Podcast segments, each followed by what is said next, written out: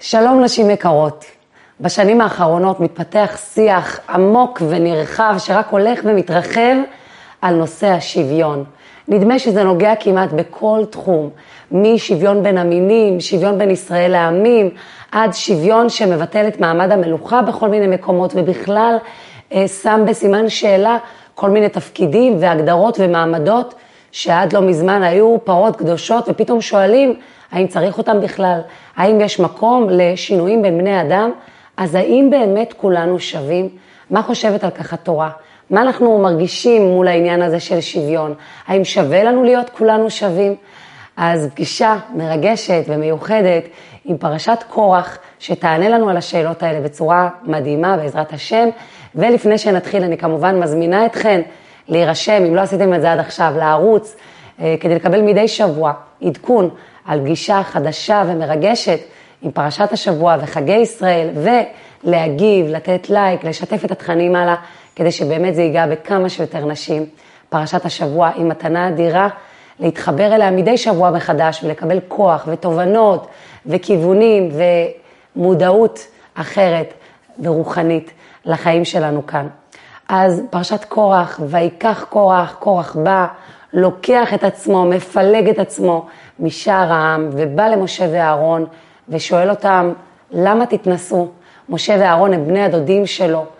קורח לא חסר לו דבר, הוא עשיר כקורח, כמו שאומר הביטוי עד היום על אדם עשיר מאוד, עשיר כקורח, הוא היה עשיר גדול מאוד. אדם רוחני, לא חסר לו שום דבר, והוא פתאום בא ופוצח במחלוקת עם משה ואהרון. והמחלוקת שלו בעצם באה ושואלת שתי שאלות. א', אם כולם שווים, כי זה מה שקורח חושב, למה אנחנו צריכים מנהיגים מעלינו? למה אנחנו צריכים משה? למה אנחנו צריכים את מעמד הכהונה? ואם אנחנו כבר צריכים מנהיגים, אז בואו נבחר אותם, כל אחד יכול להיבחר, למה דווקא אתם? למה לא אני, לדוגמה? והשאלה של קורח, המחלוקת שלו, היא לא סתם מגיעה כאן, אחרי פרשת שלח, אחרי אה, מתן תורה, כי בעצם במתן תורה קיבלנו את ההבנה הזאת שכל יהודי יש לו נשמה אלוקית. הוא יכול לעבוד את השם, הוא יכול לחבר עליונים ותחתונים.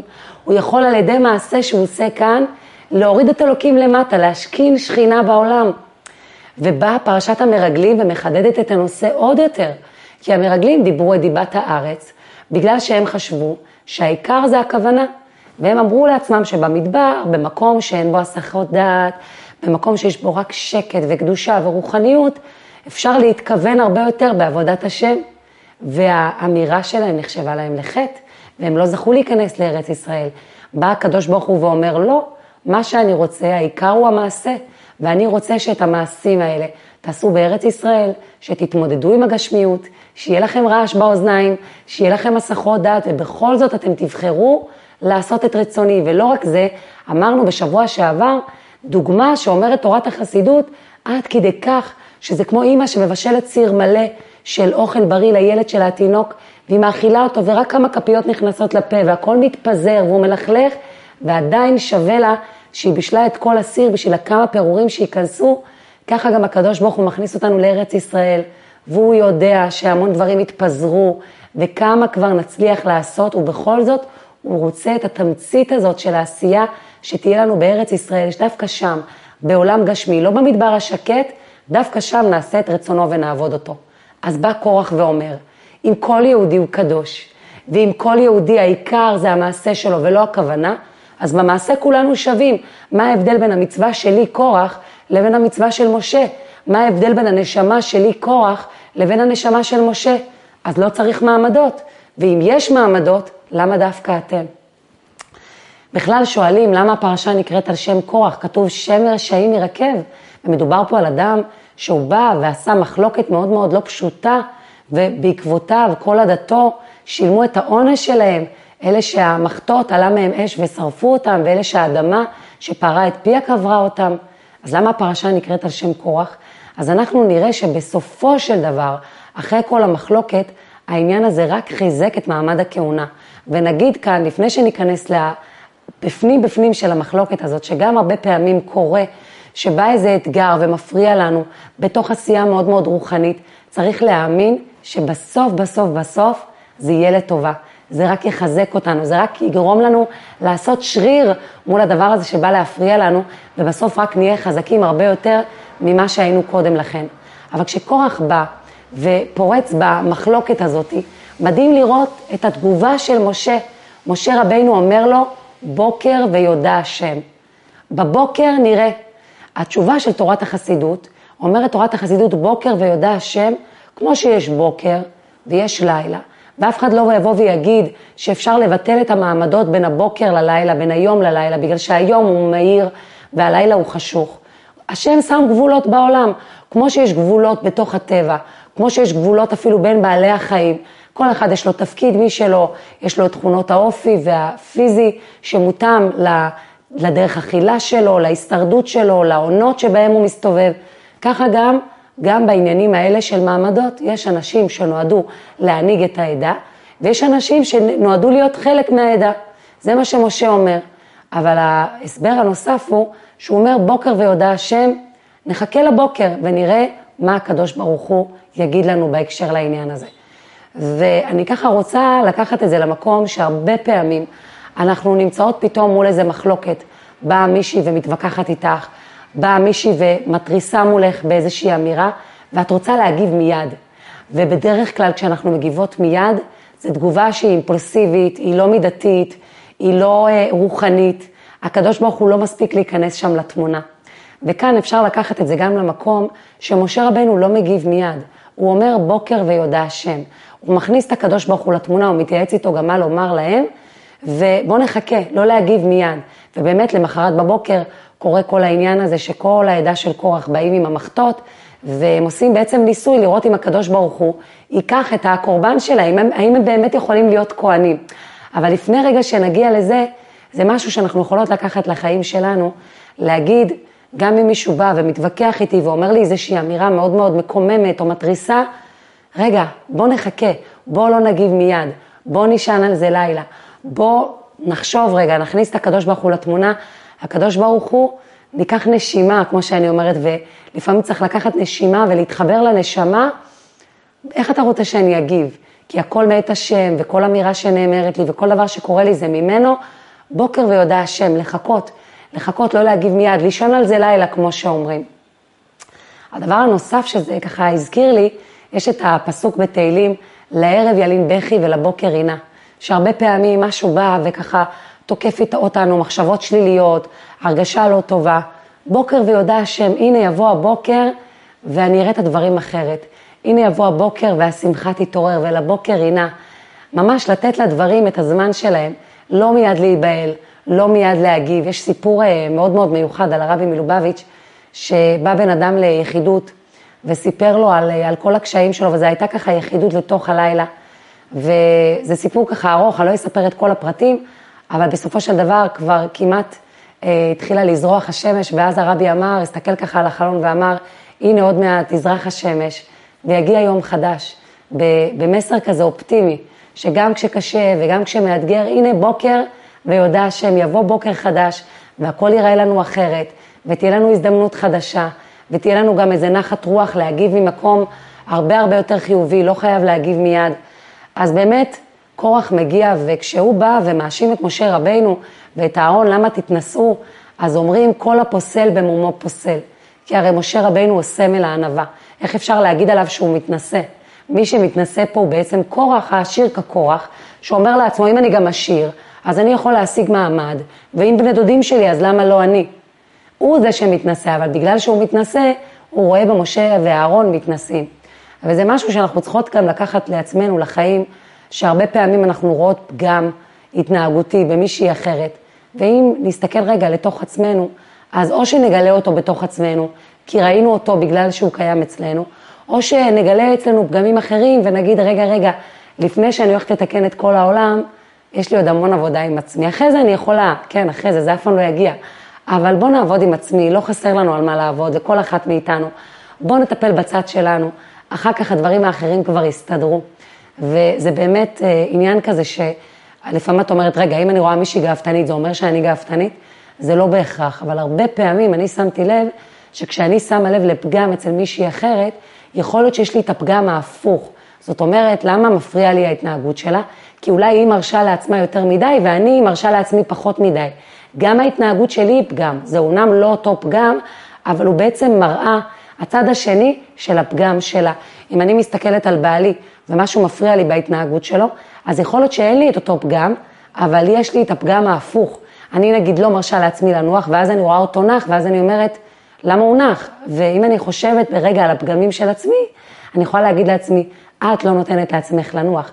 ופתאום, כבר לא כל כך מפריעה, לו, מפריעה לי ההתנהגות שלו, אני מבינה שיש לי כאן עבודה עם עצמי, והוא בסך הכל הציף לי אותה, ולכן עלה לי שם איזשהו כאב וביקורת, ולכן כל פעם כשאנחנו חוזרות לעצמנו, זה לא רק מוריד אותנו מלריב עם כל מיני אנשים, זה בעצם מתנה, הזולת הוא ראי, הוא שם לי איזה מראה של דברים בתוכי שאני רוצה לשנות. לא לחשוב על עצמי עכשיו אני פגומה, אני גרועה, לא, זה לא העניין. יש פה איזשהו פגם שאני יכולה לתקן אותו, אני יכולה לעבוד עליו, קודם כל לראות אותו, ברגע שאני רואה אותו כבר משם אפשר להתקדם. ובכלל אומרים שקורח זה ראשי תיבות קנאה, רוממות, חמדה. זאת אומרת ההתנהגות שלו, אומרים הקנאה, התאווה והכבוד מוציאים את האדם מן העולם. הוא גם קנאה בהם, הוא גם חש רוממות שמגיע לו איזה כבוד מאוד גדול, וגם חמדה הוא חמד תפקידים שהם לא שלו.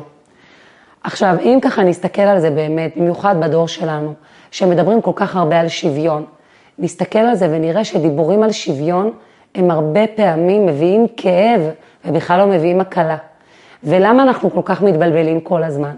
כי באמת היו תקופות והיו דורות ויש עדיין מקומות בעולם שבן אדם שמרוויח יותר הוא נחשב שווה יותר, בן אדם שנולד לאיזה ייחוס הוא נחשב שווה יותר, שזה, או משתייך לעדה מסוימת, הוא נחשב שווה יותר, שזה באמת הפוך מהתורה, כי התורה בעצם אומרת לנו שכולנו שווים. שווים הכוונה לא זהים בינינו, אלא שכולנו שווים, כלומר באותה מידה יש לנו ערך בפני הקדוש ברוך הוא. יש לנו ערך בעצם היותנו. הקדוש ברוך הוא אוהב אותי בעצם היותי.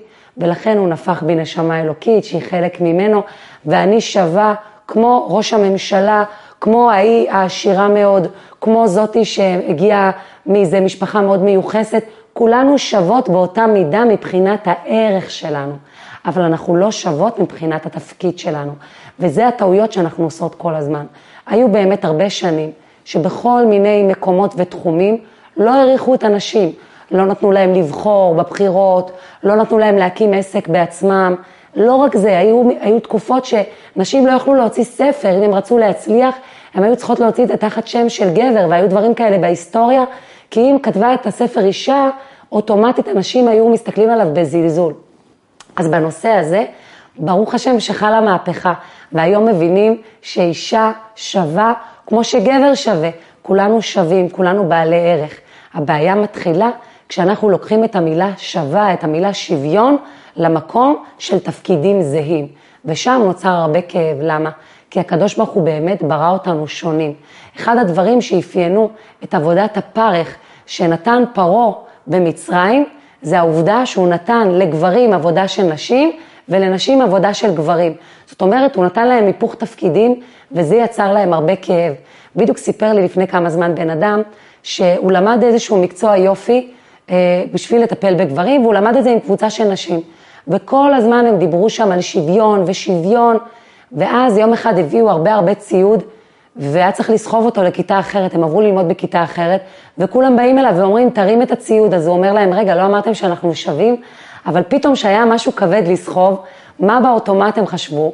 שעדיף שגבר יסחב את זה, והאמת שכל מי שעוסק בפיזיולוגיה יודע שהגוף של הגבר הוא חזק יותר, הוא נועד יותר לסחוב מסעות, הידיים של גבר יש בו יותר שרירים, ולעומת זאת יש אצל אישה כל מיני פונקציות של הגוף ואפשרויות שגם מאפשרות לנו, ברוך השם, להביא חיים לעולם, להאכיל את התינוקים שלנו, שלגברים אין אותם, לא משנה כמה נדבר על שוויון.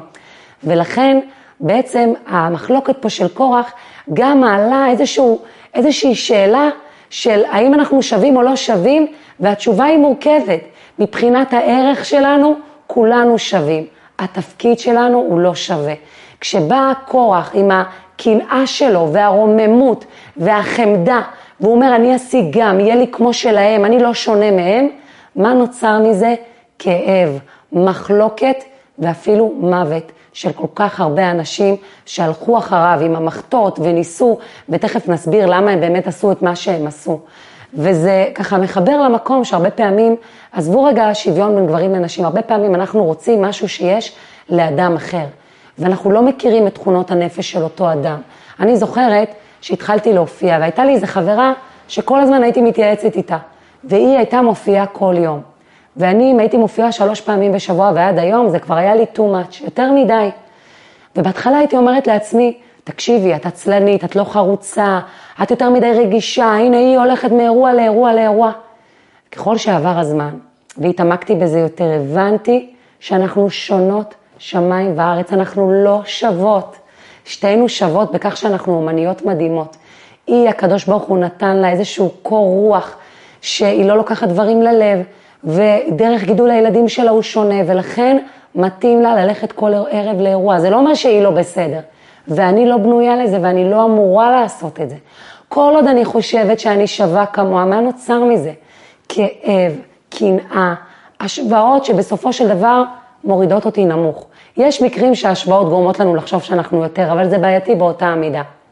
זאת אומרת, העובדה שאני מבינה שאני לא שווה, היא נותנת לי כל כך הרבה הקלה, כל כך הרבה ביטחון. כל עוד אני חולמת על משהו שהוא לא שלי, זה רק מכאיב לי. אז תגידי מה, לא לשאוף בכלל? אפשר לשאוף ובמקביל לעשות את התפקיד שלי. וזו בדיוק הייתה הטעות של עדתו של קורח. שואלים, הרי כל כך הרבה אנשים שהם מנהיגי עדה, הם אנשים קדושים, איך אתם הולכים עם המחטות? משה רבינו אמר להם להקטיר קטורת במחטות ולראות אם הקדוש ברוך הוא יקבל את זה. הרי זה סכנת מוות, אתם יודעים שנדב ואביהו כבר קרה להם מה שקרה, ואתם לא כהנים, ולא נבחרתם לזה. למה בכל זאת הם עושים את זה? אז באה תורת החסידות ומלמדת אותם זכות. מלמדת עליהם זכות ואומרת שהייתה להם תשוקה כזו גדולה להיות כהנים, באמת ממקום של קדושה, שהם היו מוכנים לסכן את עצמם ולמות, אפילו בשביל הפעם אחת שהקטורת שלהם תתקבל על ידי הקדוש ברוך הוא. וזה בדיוק נותן לנו את התשובה. מה, אסור שתהיה לנו תשוקה להיות יותר? אסור לי שתהיה לי תשוקה להיות מסוגלת לעשות עוד אירוע בשבוע, אה, להתקדם בעוד משהו שאני רואה אצל מישהי אחרת? כן, שתהיה לי תשוקה, אבל במקביל שאני לא אפסיק את העשייה שלי עד שאני מגיעה לשם. אני ממשיכה בעשייה שלי, יש לי את התשוקה ואת החלום, ואני יכולה גם להתפלל לקדוש ברוך הוא, אבל אז אין לי איזה כאב של החמצה כל הזמן, כי יש לי את העשייה שלי ואת התפקיד שלי, ואני ממשיכה להשתוקק, להשתוקק זה בסדר, אבל לחשוב שזה שלי ואני אמורה להיות שם כבר עכשיו, ואני שווה באותה המידה, זה יכול רק להביא כאב. פעם קראתי תשובה מאוד יפה של הרבי מלובביץ', שהסבירה לי את זה גם בנושא של כסף. הרי אנחנו גם חיים בעידן כזה, שיש הרבה מאוד קואוצ'רים שאומרים, אין, מחר את יכולה להיות מיליונרית, תעשי ככה וככה וככה וככה, תשווקי ככה וככה וככה, כולם יכולים להגיע לזה, זה רק עניין של חשיבה. מצד אחד זה נורא נחמד, זה בעצם אומר שכולנו יכולים, זה מעורר בנו את התשוקה לשפע, והרבי אומר כל כך הרבה שיהודים לא צריכים להתפלל על פרנסה, הם צריכים להתפלל על עשירות, מגיע לנו להיות עשירים, וזה מדהים. אבל במקביל, אם אני כבר עכשיו אחשוב שאני איזה עשירה כשאני לא, והתנהל כאילו אני עשירה, השוויון הזה יביא לי שמחה או כאב? הוא יכול להביא לי הרבה מאוד כאב, הוא יכול להכניס אותי לחובות כבדים, הוא יכול להכניס אותי להשוואה ותחרות כל הזמן עם אנשים שהם בעצם לא במעמד הכלכלי שלי. אז פעם קראתי תשובה שהרבי כתב לאיזה בן אדם, שהצדקה שאתה יכול לתת כרגע, זה צדקה בעזרת יחס, בעזרת שיעורי תורה. זאת אומרת, הרבי לא אמר לו, כן, אתה יכול עכשיו לתת מיליונים. זה בן אדם שבא ואמר שאין לו כרגע כסף לתת צדקה. הוא אמר לו, כרגע אתה יכול לתת צדקה באופנים אחרים, ובעזרת השם, אני מברך אותך שיגיע היום ותהיה לך אפשרות. זאת אומרת, אני מבינה שכרגע אני לא שווה. לנו, המעמד הכלכלי שלנו הוא לא שווה. וכשניסו להשוות את המעמד הכלכלי של כולם, זה לא, זה לא הלך טוב. כי באמת יש לנו, הקדוש ברוך הוא ברא לנו תפקידים שונים, שליחויות שונות, נתן לנו נשמות שונות בהתאם לשליחות שלנו בעולם. ולכן אני צריכה לזכור כל הזמן, אני שווה, זאת אומרת בעלת ערך לא פחות מאף אדם אחר. אבל אני לא שווה בשליחות שלי ובתפקיד שלי ובנשמה שלי לאדם אחר. ומי שמשווה, הוא לא מרגיש שווה. ולהפך, מי שלא משווה, הוא מרגיש שווה. אני לא צריכה להשוואה ושוויון עם אנשים אחרים.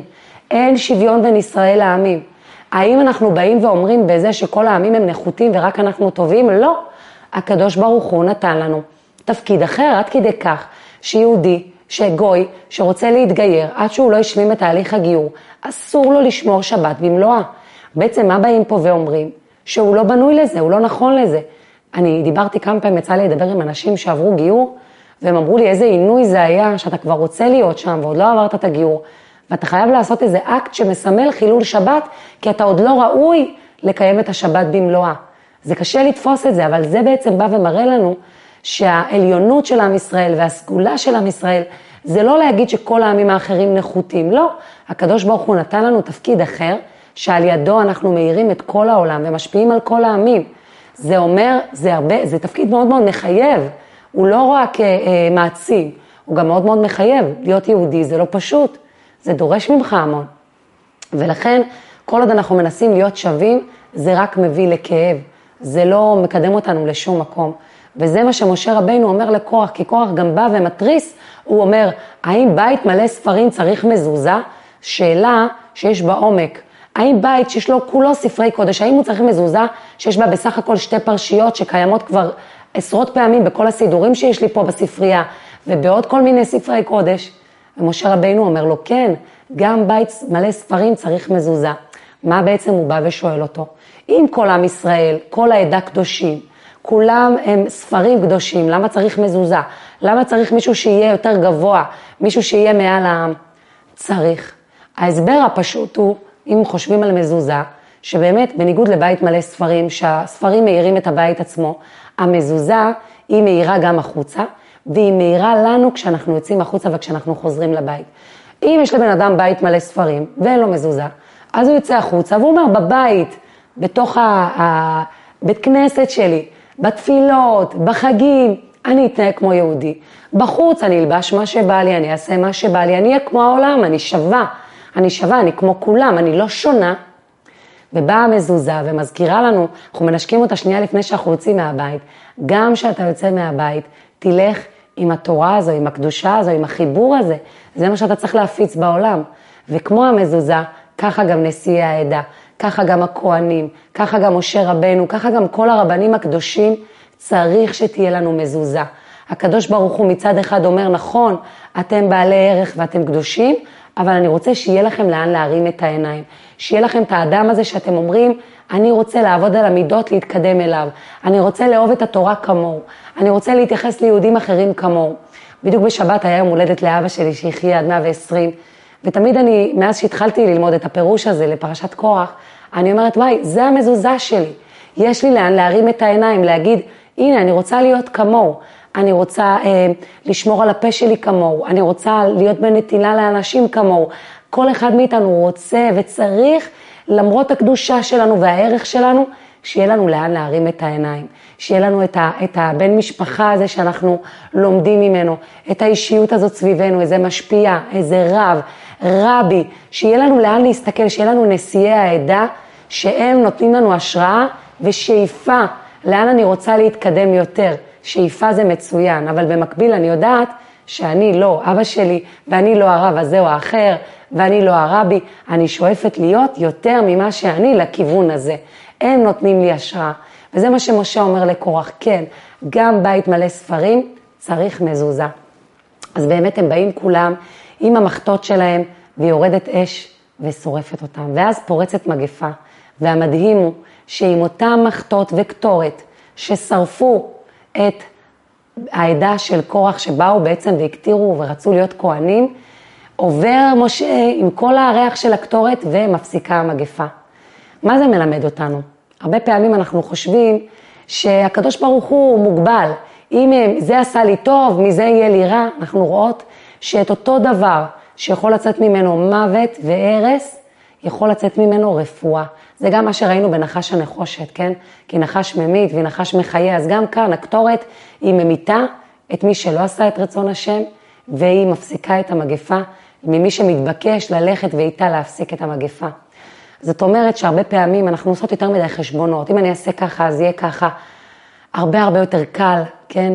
לשאול, והרבי מביא את זה בהמון המון ציטוטים, שהקדוש ברוך הוא עשה את האדם ישר והמה חישבו חשבונות, אנחנו מתחילים לחשב חשבונות וכל מיני דברים שבשביל מה אני צריכה את כל, ה, את כל הכאב ראש הזה? רגע, בוא נשאל יותר פשוט, מה הקדוש ברוך הוא רוצה ממני? אני אעשה את רצונו, כשאני עושה את רצונו, הוא יכול לגרום שאותו דבר שלא הצליח לי פעם שעברה, הפעם יצליח לי. העיקר לעשות את רצונו, לא לעשות יותר מדי חשבונות. רגע, אבל פעם שעברה כשעשיתי את זה ככה והיה ככה, אני יותר פשוט, הקדוש ברוך הוא תעזור לי, תגיד לי, מה אתה רוצה ממני? כמו שבוקר ויודע השם, תאיר לי בוקר, יש לי חושך, יש לי בלגן, תעשה לי בוקר, תעשה לי שיעיר לי, שיהיה לי ברור, ואני אעשה את רצונך, וכשאני עושה את רצונו, הוא יכול לגרום שאותו דבר שהביא לי פעם שעברה נזק, יביא לי הפעם ההצלחה ולהפך. אני רוצה רגע שוב לחזור לעניין הזה של כורח, של הקינה, רוממות, חמדה. הרבה פעמים אנחנו רוצים משהו שיש למישהו אחר, הרבה פעמים אנחנו אומרים, אני אעשה ככה וככה, ויהיה לי כבוד, ויעריכו אותי, ופשוט רואים את זה במוחש, ואני יכולה לראות את זה מהעבודה שלי. כשאני עושה משהו במטרה ל- לרכוש אהדה, אה, לקבל כבוד, זה תמיד מביא את התוצאה ההפוכה. זה לא עובד, זה לא קורה. והרבה פעמים את עושה משהו בפשטות, שאף אחד לא אמור לדעת, את עושה את האקסטרה הזה, את נותנת למישהו, אפילו שלא בא לך עכשיו, ואת, ו, ומצד הכבוד העצמי שלך לא היית רוצה לעשות את זה. ודווקא זה יכול להביא לך שפע אינסופי. אני לא אשכח את זה, שפעם אחת הייתה לי איזו הופעה, ואחרי ההופעה רציתי לנסוע בשקט שלי לבד הביתה. ומישהי ביקשה לנסוע איתי טרמפ, ולא רק שהיא ביקשה לנסוע איתי טרמפ, באמצע הסתבר שכבר אין לה אוטובוס, והייתי צריכה לעשות סיבוב שלם, לקחת אותה לאיפה שהיא רוצה, וכל הדרך היא דיברה, ועשיתי את זה. ואחרי כמה זמן, איכשהו היא חיברה אותי לאיזשהו מקום, שהזמינו ממני כמה אירועים. ואמרתי לעצמי כל כך הרבה פעמים, עשיתי פעולות של העולם, וכאילו שיכבדו ויכירו, והלכתי לאיזה מקום שהם מכירים, ולא יצא מזה כלום, והנה דווקא מהטרמפ הזה, שאף אחד לא ראה ואף אחד לא ידע, ועשיתי עבודה עצמית כדי לעשות אותו. כן, לא היה בא לי. היה יותר מתאים לי לנסוע בשקט, לאבד את מה שקרה, ולא לשבת איתה באוטו ולא להסיע אותה לאן שהיא צריכה, אבל הבנתי ש, שאין מישהו אחר שיעזור לה, ודווקא היא, היא הביאה לי את הכבוד ואת ה, את הטוב הזה, כן, את, ה, את העוד עבודה ואת העוד משהו. זאת אומרת, כשאנחנו רודפים אחרי הכבוד, הוא דווקא בורח ממנו. ולפקוח את העיניים ולראות איפה המקומות הקטנים שבהם אני יכולה לתת, ולפעמים דווקא זה, ולא לפעמים, רואים את זה המון, שאני מוחלת על כבודי, ואני עושה משהו שהוא גם לא מכבודי, דווקא זה מביא לי את הכבוד, ומביא לי את ההצלחה, ומביא לי להרגיש שווה. המקום הזה שכל הזמן משווה, זה מזכיר לי שראיתי השבוע איזה אימא שהיא קנתה אה, משקל אה, מטבח, והיא אה, ראתה איך היא שוקלת לשני הילדים שלה את השקית עם הקורנפלקס, כי הם כל הזמן רבים שלא היא נתנה יותר ולא היא, ולא היא נתנה פחות. כאילו אם אנחנו כל הזמן, כן, אז זה, היא עשתה מה את זה בצחוק, אבל אני כל הזמן שוקלת ומודדת ומשווה מה מישהו אחר קיבל לעומת מה שאני קיבלתי, ולמה הוא מצליח יותר, ולמה היא נראית יותר, וזה זה לא מקדם אותי לשום מקום, זה רק לוקח אותי אחורה למקום הזה של מחלוקת קורח ועדתו, למקום של כאב, למקום של פילוג. אני צריכה להזכיר לעצמי וכל הזמן לחדד את זה. אם אני רואה מישהי אחרת שעושה משהו, זה בסדר לשאוף, אבל רגע בוא ניזכר, מה הנשמה שלי, מה התפקיד שלי, וכמו שאני אוהבת לספר, שפעם אחת הייתה לי אה, שיחה עם אחת האחיות שלי, והיא סיפרה לי שמישהי אחרת עושה איזה משהו, ומאוד מאוד מצליחה, והיא ניסתה ולה לא הלך, ו... ואני מהצד, בתור מישהי שמכירה גם את האחות וגם את אותה אחת, רק ראיתי כמה אין בכלל מקום להשוות ביניהם, הן כל כך שונות. ואז אמרתי לאותה אחות, אמרתי לה, לא יודעת מאיפה זה פתאום עלה לי, אמרתי לה, תארי לעצמך שהיינו הולכים לגן חיות, הרי מה הדבר הכי מהנה בללכת לגן חיות? אני לא אוהבת ללכת, אבל אם אני כבר הולכת, זה דווקא לקרוא על המאפיינים השונים של כל בעל חיים, ואיך זה מותאם, הגובה של הג'ירפה, לעלים הגבוהים שהיא אוכלת, הדוב מכוסה כולו פרווה, כי בחורף הוא... קיצור, כל התכונות הפיזיות שלהם הן מותאמות לתפקיד שלהם, ויש הרבה דברים שאנחנו גם לא יודעים, כל מיני חומרים שהם מביאים לטבע, למקום שהם נמצאים, אבל הם נבראו במדויק לתפקיד שלהם. אז אמרתי לאחותי, תארי לעצמך שהג'ירפה הייתה אומרת, למה אין לי פרווה כמו לדוב? והדוב היה אומר, למה אני לא גבוה כמו הג'ירפה? ואנחנו מהצד היינו רואים את זה, היינו נקראים מצחוק, מה הקשר? ג'ירפה זה ג'ירפה, דוב זה דוב, מי בכלל משווה? פעם השווית בין בעלי חיים? ממש לא. זה כל כך, הייחודיות שלהם היא כל כך יפה והיא כל כך בולטת. וזה משהו שאנחנו צריכות גם לקחת לעצמנו, הרי אם הקדוש ברוך הוא היה רוצה, נכון שבאופן כללי כולנו עם ידיים ורגליים וראש ונשמה, ו... אבל אם הוא היה רוצה, הוא היה בורא אותנו שטנץ, ואנחנו לא. אפילו עכשיו שהגעתי לחו"ל, אז העברתי את הטביעות האצבע שלי ואמרתי, איזה מדהים זה שיש לי שישה ילדים ולכל ילד יש טביעת אצבע אחרת. זה מדהים. טביעת האצבע זה רק מראה שהקדוש ברוך הוא רוצה שנהיה ייחודיים, כולנו שווים בערך שלנו, אנחנו לא שווים. בתפקיד שלנו, בשליחות שלנו, בכוחות שיש לנו. יש לנו כוחות מותאמים לשליחות שלנו. בורא נפשות וחסרונן, אפילו נתן לנו חסרונות בהתאמה לשליחות שלנו. ככל שאני מזכירה את זה לעצמי ואני מבינה, פתאום אני לא מכלה את הכוחות שלי בקינה, רוממות, חמדה, כמו קורח, ואני לא מגיעה למקומות האלה של להשוות, להשוות ביני לבין עמים אחרים, להשוות ביני לבין גברים. בסדר, זה מדהים שהיום הגענו למקום שנשים גם מפרנסות, והבעל שותף בעבודות הבית, זה מהמם. אבל אנחנו כולנו יודעות שבסופו של דבר, את הלחץ הזה של הפרנסה, הלחץ אפילו של לחשוב על זה, אישה הייתה מעדיפה שהבעל ייקח על עצמו, ואת המחשבה אה, למי צריך מחר להכניס איזה ספר לתוך התיק, ומי צריך להגיש מוצג, ולמי שיעורי בית וזה, לרוב מי שמחזיק את זה זה אנשים, כי המחשבה על הילדים היא הרבה יותר טבעית לנו בפרטים הקטנים. ולא סתם גברים, יש להם כל כך הרבה מצוות שהזמן גרמה ושלוש תפילות ביום, כי צריך להזכיר להם כל הזמן את הרוחניות, הם יותר ארציים, ואנחנו אנשים רוחניות בעצם, מספיק לנו תפילה אחת ביום, יש הרבה דברים שאנחנו לא מחויבות, כי החיבור לקדוש ברוך הוא בא לנו טבעי, אז לכן, לפני שמנסים להיות שווים בכל הדברים, להיזכר שיש לזה גם מחירים, ולא שווה לשלם אותם. ומה שאנחנו רוצות, כל אחת בפני עצמה להרגיש שווה ובעלת ערך. אנחנו לא שווים בתפקיד שלנו, ודווקא כשמשחררים את המקום הזה שמשווה לאחרים, פתאום אני משווה את עצמי לעצמי.